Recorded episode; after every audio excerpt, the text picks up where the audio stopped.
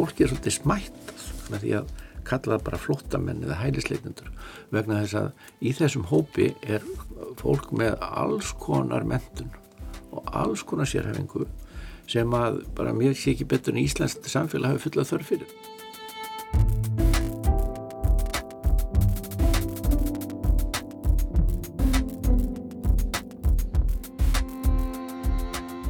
Þau fá ekki mjög mikla þjálfun held ég utan þessa tíma. Og það er nú bara þannig að Íslandingarnir uh, er ekki nógu duglegir að tala við okkar innflýtjendur á íslensku. Og meira segi, ég, ég veit ekki hvort ég trúi því en ég fekk þá spurningu hjá einum sem að sem að var að taka þetta byrjanda námskið í annarskipti hann segi við mér svona í, í, í fríminútonum eða þegar við eftir tíman heyrðu Baldur hérna er til einhvers að vera að læra þessi íslensku já, segi ég veitu hverjir tala íslensku hérna nú bara íslendingar tala íslensku og hann horfið á mig mjög vantrúaður Hann hefur haldið að Íslandingar töluðu ennsku, eða hvað? Hugsa ég, já, mentalega.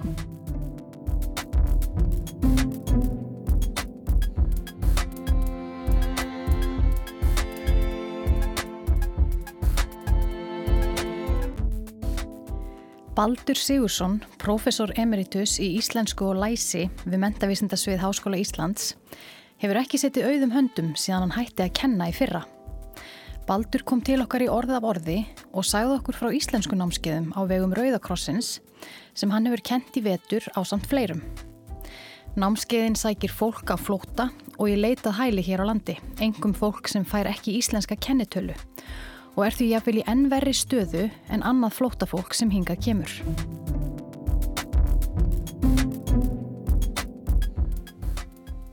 Við erum Guðrún Lindberg Guðjónsdóttir og Anna Sigriður Þráinsdóttir.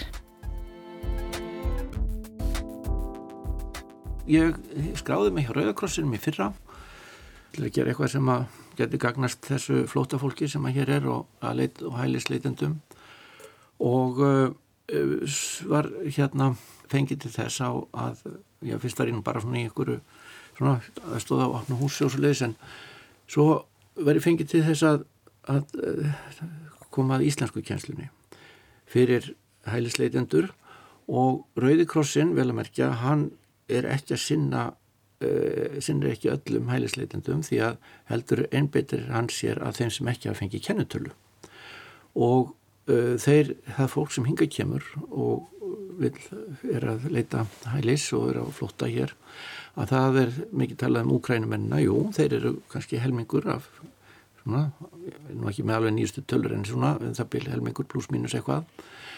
Og, og úkrænumenninir fá strax kennutölu Þannig að úkrænumennir, þeir þurfa að lítið á Rauðakrossum að halda því að það er tekið utan þá af sveitafélögum og öðrum og þeir komast í vinn og þeir fá húsnæði og, og svona það er, það er annars konar viðgerningu sem þeir fá. En það eru hinn 50% sem eru að mestuleiti fólk frá Venezuela og það er þetta fólk sem, að, sem kemur hingað aðalega frá Venezuela en er að uppruna mjög margt frá Sýrlandi. Og og þess eh, tungumálinn sem þau tala eru, eru arabíska og, og spænska, með mikið spænska. Og margir tala bæði tungumálinn sem er bara annað og þetta er fólki sem að Rauðikrossin hefur svona uh, skjó, skoti skjólsús yfir og reyna að gera eitthvað fyrir. Íslensku námskeið eru eitt af því. Og ég kem sér þetta inn í þetta auður Guðjónsdóttir sem var íslensku kjannar í Breiðholti og komun á eftirlaunins og ég.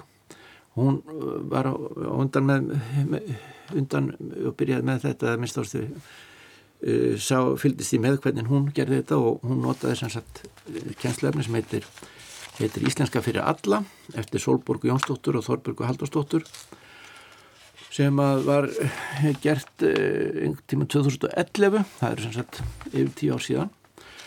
Og og uh, ég hef notað þetta efni áfram og þetta eru nokkur hefti við erum svona bara með fyrsta hefti í raunni á þessum byrjandanámskeiðum kjænslan fyrir fram í, í mötuneyti uh, eldri borgara eða í, hérna, upp í, upp í hérna, áskóum í bregðaldi og, og þar hérna fáum við salin eftir að uh, þessart notkun er hætt á uh, fjóleitið og námskeiðin hafa verið frá hálf 5 til 6 tvisasinnum í viku.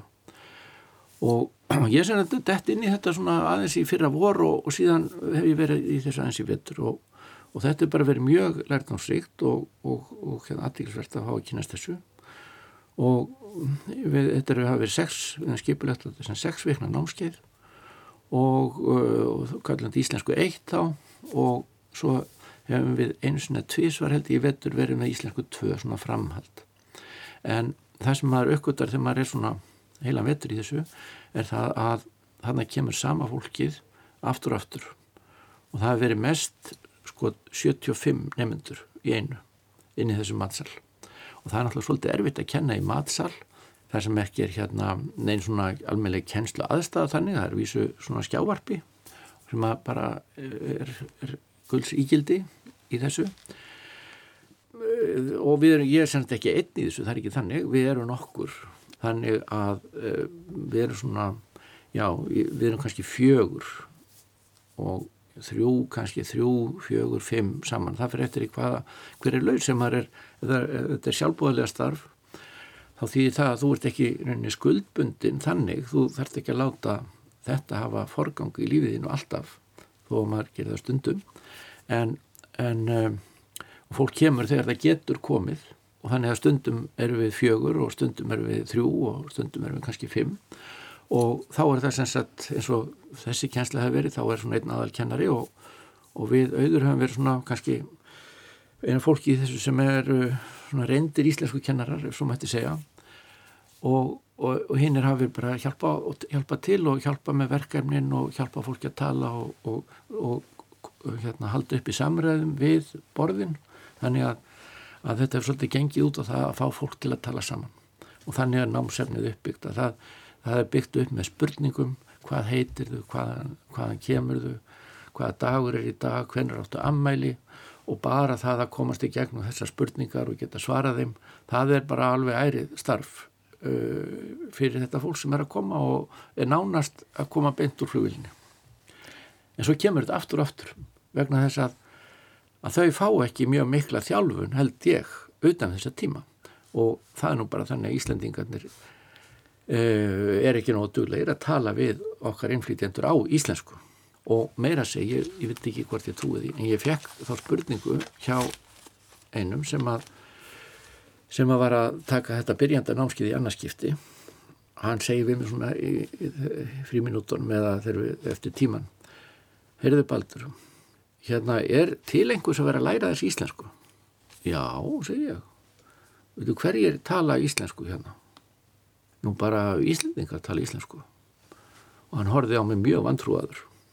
Hann hefur haldið að íslendingar töluð ennsku eða hvað? hugsa ég, já, mæntalega tala allavega ennsku við hann. Jáfnveil þó hann kunni kannski ekki mikið í ennsku Nei, og hann heyri sátt ekki mikla ennsku í kringum sig sko, þegar þetta fólk er ekki í íslensku umhverfi. Þau eru einhver öðru umhverf og að því leiti sem að þau hitta Íslendinga þá tala Íslendingan einhver ennsku og bara mjög sko þó að kannski flestir í þessum hópi kunni einhverjar svona yes money all right ennsku að þá uh, eru þeir mjög fáir sem kunna eitthvað svona bara til þess að geta komist í gegnum spurningar eins og sko hvað heitir og hvernig áttu aðmæli Og hvað gerir þið þá íslensku kennararnir í Rauðakrossunum til að ná til þessu fólk sem ekki, e, ekki talar, talar, neitt, talar annað. neitt annað en sitt móðurmál og er að reyna að laða tökum á íslensku. Já, sko, eh, jú, við, sko, við þessi kennarar, við tölum alveg lítið annað en bara ennsku og því miður við tölum hvorki spænsku niður arabísku. Ég hef svolítið reynd að vera að læra nokkur orð í spænsku. Ég treysti mér í það, ég treysti mér ekki í arabískuna. Minnst að kosti ekki strax.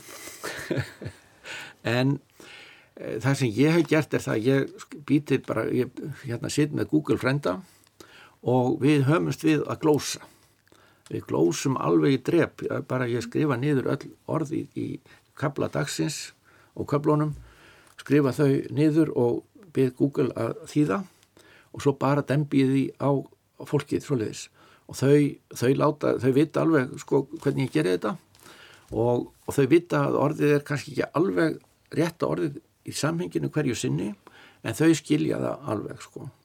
Þannig að, að e, þau taka viljan fyrir verkið og eru afskaplega jákvæð þegar þau sjá að, að, að maður reynir að gera eitthvað svona í þessa veru fyrir þau. Og svo eru sum þegar hugtökin eru kannski ekki alveg rétt sko, út, eða það er ekki alveg rétt orðin sem eru í þýðingunni. Og ég náttúrulega ekki, er ekki læsa á þessa arabísku þannig ég get ekki hjálpaði með það. En þau hjálpar svolítið hvert öðru. Og þau sem skilja spænskuna eða enskuna þau, þau fá þetta semst á íslensku, spænsku og ensku og, og arabísku og svo hefur verið með svona augalega fyrir, fyrir hérna ókrænsku og amharísku. En ef það er einhver önnu tungumál þá ég hef ekki það hef verið svo fáir og þeir sem hafa talað einhver önnu tungumál þeir hafa átt einhverja vini sem hafa getað bjargað þeim með hinn tungumálun, gegnum hinn tungumálun en, en þau sem hjálpa hvertur og það eru sum sem eru fljótar að fatta en önnur að sko hvert rétta orði muni vera þegar að, að hugtæki er ekki alveg nákvæmlega rétta orðið. En þau allavega, þið sjáu það að þau eru þá að hjálpa hvert öðru að já, að já, læra já, að ebla orðaforðan á íslensku. Já, já, já, já, já, já.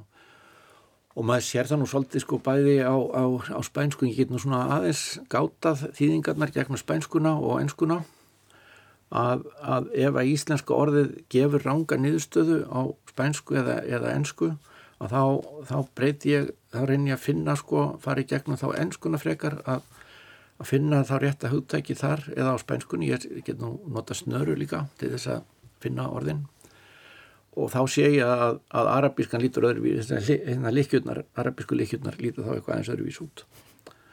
Og, og hérna. Þá er það ekki sama orðið. Nei, þá er það greinlega ekki það sama og, var í fyrstu tilrun Sko, hvað eru þið að kenna þeim? Þú, þú ert búin að segja þeir eru að kenna þeim einfalda af, í íslensku eitt þá eru þið að kenna þeim kannski svona einfalda frasa. Þeir eru ekki að fara að kafi málfræðina, beigingar og Ég leiðum, leiðum svona málfræðina svolítið hjá okkur svolítið, svolítið. En sko ég ég veit ekki, mér finnst það gaman þegar ég er að læra útlend tungumál sem ég kann lítið í, mér finnst það gaman að læra svona, svona þulur. Eins og, eins og til dæmis að telja upp að tíu eða læra vikudagana eða eitthvað svolítið og, og mér finnst það svona uh, þetta, er, uh, þetta er eitthvað sem allir geta, allir kunna á sínu tungumáli og, og þú veist alltaf hvað orðið þýðir, þú þylur eitthvað sem þú skilur ekki en að því þú kant sömu þulun á þínu eigin tungumáli að þá veist alltaf hvað er hvað. Og þessi kjænslubók sem mér finnst bara upp, að upplegi bara bísna góð að að uh, hún gengur út á það að spyrja spurninga og svo koma inn á milli svona orðaforða bankar eins og svona myndir af svona húsbúnaði að mynda herbergi og, og þar eru blóm og, og sjónvarp og, og bækur og kaka og eitt og annað á borðinu og svona. Og það eru papp og mamma og af og amma og svona og svo spyrju svo er, eru spurningarnar hérna, hvað heitir þú, hvað kemur þú hvað heitir pappiðinn, hvað heitir mammaðinn áttu börn, hvað áttu mörg börn, hvað heita þau og, og bara það að leysa úr þessum spurningum er bara heil mikil þraut. Og þegar þau læra þetta þá, ég hef trú á því að þetta sé svona svolítið leiðin inn í tungumálið að reyna bara að svara svona hverstagslegum spurningum. Svo þetta með hvaða dagur er í dag, hvaða dagur er á morgun hvaða dagur var í gær hvað varst að gera í gær, hvað ætlar að gera á eftir? Og, það eru ymsir möguleikar í bóði, ég ætla að lesa blöðin eða ég ætla að horfa á sjónvarpið eða að fara á ball eða fara á bar og fá mig bjóru og svona. Þannig að, að það er hægt að spurja um svona aðtapni daglegslíf sem leður ert komið með uh, hvað ætlar það að gera í kvöld? Hvað varstu að gera í gær? Og læra tíma dagsins morgun kvöld og, og hérna og dagur og hádegi og allt þetta. En þú nefndir áðan sko þetta með að þegar, þegar Íslandingar uh, nálgast uh, þessa þannan hóp, hælisleitindur til dæmis, þá bregðum við fyrir okkur ennsku og gerum bara ráð fyrir því að við kunnum ennsku en, en veistu, hefur einhverja tilfinningu fyrir því sko, eru hælisleitindur í einhverjum samskiptum við Íslandinga? Það veistu, ég bara veit óalega lítið um það. Ja. og ég held að það sé bara mjög, mjög misjamt það er, það er svona einn og einn svona dettur inn í inn í það að tengjast einhverjum og ég náttúrulega sérstaklega með úkrænumennina sem sem að fá kennitölu og vinnu og, og, og, hérna, og koma strax inn í svona eitthvað íslenskt samfélag. Að, að þeirra stað er náttúrulega allt önnur heldur en þessara frá sem er að koma og ekki hafa kennetölu og þeim eru bara ekki allar bjargir bannaðar einhvern veginn. Og mér finnst alveg sorglegt að horfa á allt þetta fólk. Og nú eru við sem sagt fáum þarna á þetta námskið eins og segi það eru kannski 75 manns í einu.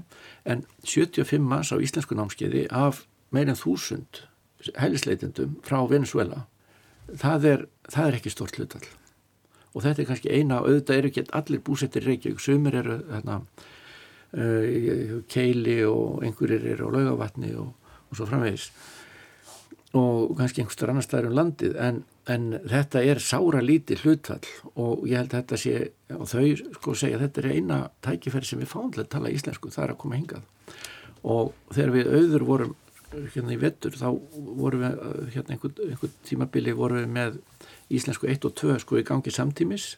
Þannig að annan námskeið var mánda á miðgudag og hitt var þriðdag og fymta þannig að það voru svona fjóra dagi viku var einhver íslensku kjensla þarna í, í árskóun og þá voru margir sem bara voru komið alltaf voru bara báður námskeiðunum. Og eru bara solgnir í að læra íslensku? Já, já og, og gera sér grein fyrir því að það er leiðina líkilina að samfélaginu. Og sumir er bara búin að, svo sumir halda áfram. Það er þetta ung hjón sem að voru bara sérstaklega áhuga sem hafa mætt alveg held ég tekið íslensku eitt þrjusasinnum þau voru komin í, í málaskóla Mými læri íslensku þar og, og fengu, tóku þar einhvern flott próf síndi mér einhvern, það fengi nýju koma eitthvað. Drákurinn og konans líka fengi príðis einhvern alveg reyndi í íslensku og voru ægilega stolt af þessu og þau hafði fengið hérna skilabóð frá útlendingarstofnunum að, að þau fengið valaleifi á Íslandi. Þannig að, að hérna, þau voru alveg allsæl og þegar maður kynist þessu fólki að fyrir að tala við það og hluta að þessum spurningum í námsefninu er hvað gerir þú, hvað starfar þú? Já, já, ég er bakari, ég er kokkur ég er, er kennari og, og ég er hjókunarfræðingur og læknir og ég veit ekki hvað þau eru þannig að, að það er svolítið að því að það er ekki talað um að smætta sko, sko hópur, fólki er svolítið smættað með því að kalla það bara flottamenn eða hælisleitundur vegna þess að í þessum hópi er fólk með alls konar mentun og alls konar sérhefingu sem að bara mér sé ekki betur en Íslands samfélag hafi fullað þörf fyrir. Það var til dæmis hérna eitt sem að ég uh, hitti einhvern tíma spjalla við sem var hælisleitandi, nei sem var hérna fiskmatsmaður segja, annar verkfræðingur ég veit að hérna svo eru hérna einn eða tveir hérna matrislumenn og kokkar sem eiga hann draum heitast að opna veitingahús á Íslandi. En eins og ég segi með þeim fá ekki kennetölu þá er þeim allar bjargi bannaðar. Og það er vot dablött að segja sko hérna í námsefninu til dæmis í flutningu að því þetta er nú sem sagt frá 2011 og, og flótamennir eða þeir útlendingar sem að, að læra eftir þessu þeir eru svona frá Danmörku eða Pólandi eða einhverjum landum sem að fólk var komið til þess að sækja sér vinna á Íslandi. Og þá er hluta spurningunum er hérna hvað er þú að vinna? Og þá bara horfaði ráman með bara tári í augunum og segja ég er ekki að vinna. Og þetta er bara sorglegt maður bara eiginlega já. Mjög svo. Þetta er bara mjög sorglegt. Já. Er, þetta heitir á nútíma íslensku mannauður. Gífurlegur þetta er gífurlegur mannauður þarna í þessu fólki sem bara þráir ekki teitar heldur en að fá að taka til hendinni hérna á Íslandi Og er að læra íslensku til þess að geta Og er að læra íslensku til þess, já. Ég veit þú kemur í kvöld til mín. Þótt hverjan væri stutt í gær. Ég trúi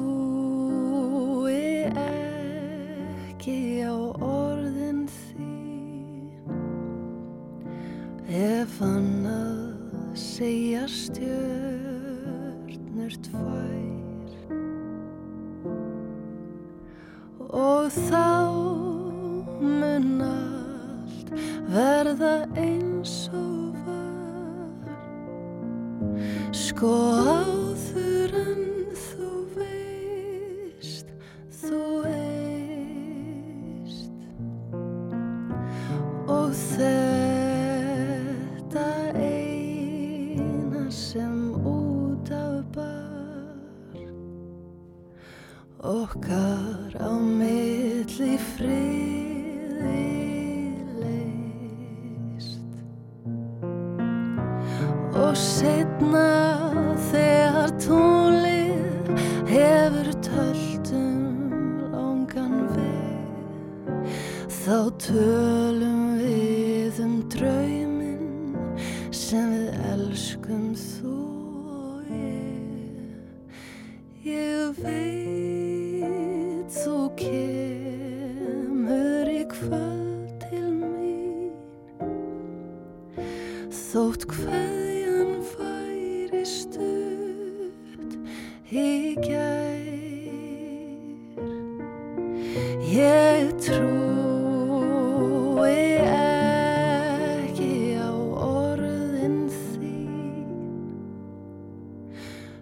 ef annað segja stjörnur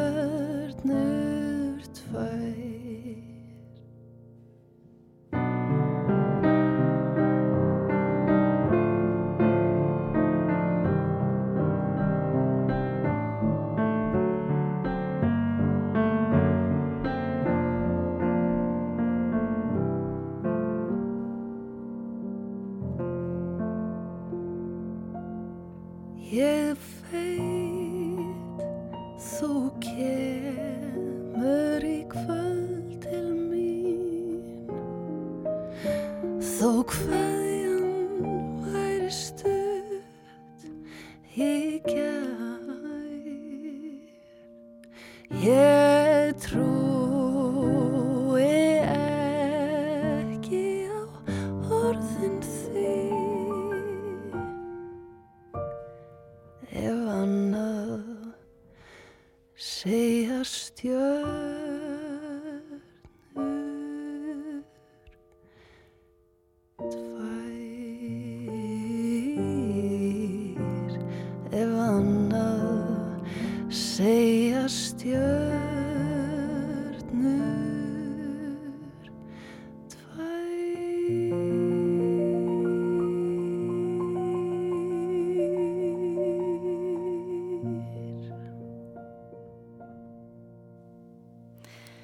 er lag Oddgeirs Kristjánssonar við texta Ása í bæ. Ég veit þú kemur í flutningi GTRN og Magnúsar Jóhans.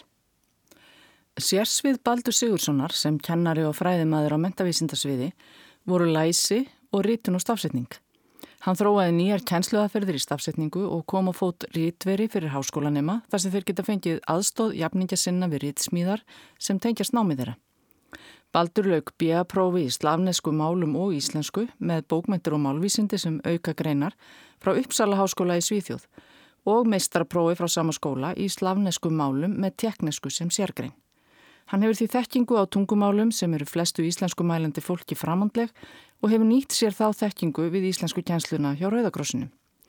Það er þó ekki svo að kunnáta í slavnesku málum nýtist honum beint við íslensku kjensluna. Heldur beitir hann málvísindarlegri nálgun og vélþýðingum til þess að ná til nefnda sinna sem tala mál sem honum eru framandi.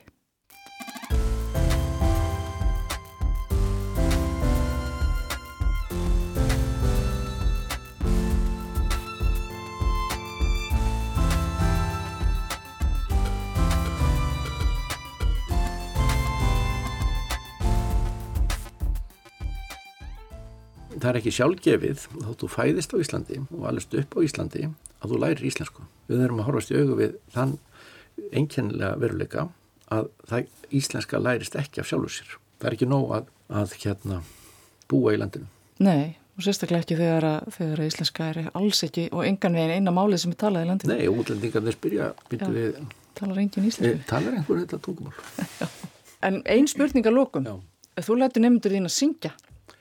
Já, heyrðu, ég læt við endum námskeiðið, sexveikna námskeið á því að syngja eitt lag. Og ég leti fyrst, þá prófaði ég að syngja hérna einhver stað, einhver tíma aftur eftir Magnús Eiríksson. Og ég var lengi að velta fyrir mig hvaða lag ég geti látið að syngja. Og, og niðurstaða var svo að, að það er að vera einhver svona íslenskur blues. Og það er engin betri í blueshöfundur á Íslandi en Magnús Eiríksson og, og þetta einhvers staðar einhvern tíman aftur far þegar ég heyrði geti ég enn syngja þetta þá fannst mér bara, hún syngur svo skýrt hún syngur svo hægt, hún flytur svo hægt og framburðurinn hjá henni hann er svo látlaus og hann er svo skýr og hvert einasta orð einhvern veginn og hver einasta tilfinning kemur svo fallega til skila. Og ég hef bara, vá, þetta er þetta er blúsin sem að þau geta að lifa sér inn í. Og þau held ég að gera það líka því að þetta er tilvera þessa fólks bara öll einn risa blús sko. Og þau sungu þetta einhver staðar einhver tíma afturleiku leið þínu veginn til mín, þetta er aldrei erfitt. Og þú segir ég saknaði þín ég saknaði þín. Og þetta er endutekið, ég saknaði þín. Og þetta, sko, þó að þau ættu svolítið erfitt með að bögla öllu út úr sér sem að erindinu þá þegar þetta kom, ég saknaði þín þá bara var salurinn allir með ég saknaði þín. En að þetta var svolítið erfitt, þá tók ég næst þá tók ég hérna annar lag eftir Magnús sem að heitir Ó þú. Og það er líka getur enn sem syngur það. Og ég spilaði alltaf getur enn fyrir þau vegna þess að textin er svo skýr hjá henni og það er svo auðvelt að fylgja henni. Og þetta er líka sem þau lifið þau sungu, þetta gáttu þau öllægt og þau gáttu öll lifa sinni þetta bara ó, ó þú, enginn elskar eins og þú enginn brosir líkt og þú enginn grætur eins og þú og þetta bara var sko, ja, einstu, þetta skildi þau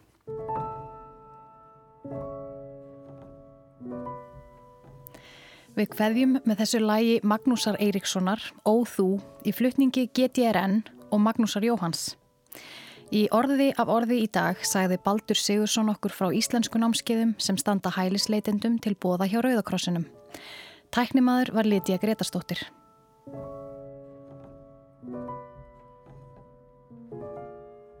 Ó þú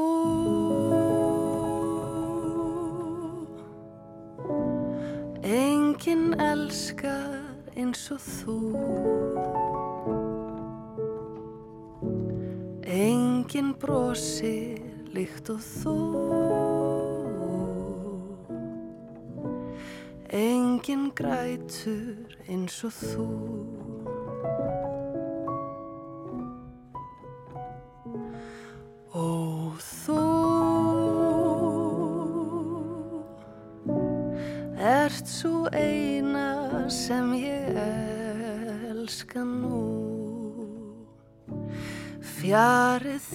hvar sem ég er.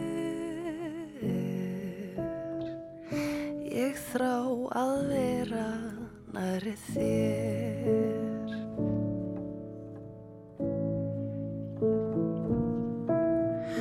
Dagurinn líður með dreymir. Um daginn er kynntumst við fyrst Dagstyggur aldrei því gleymir Að hafa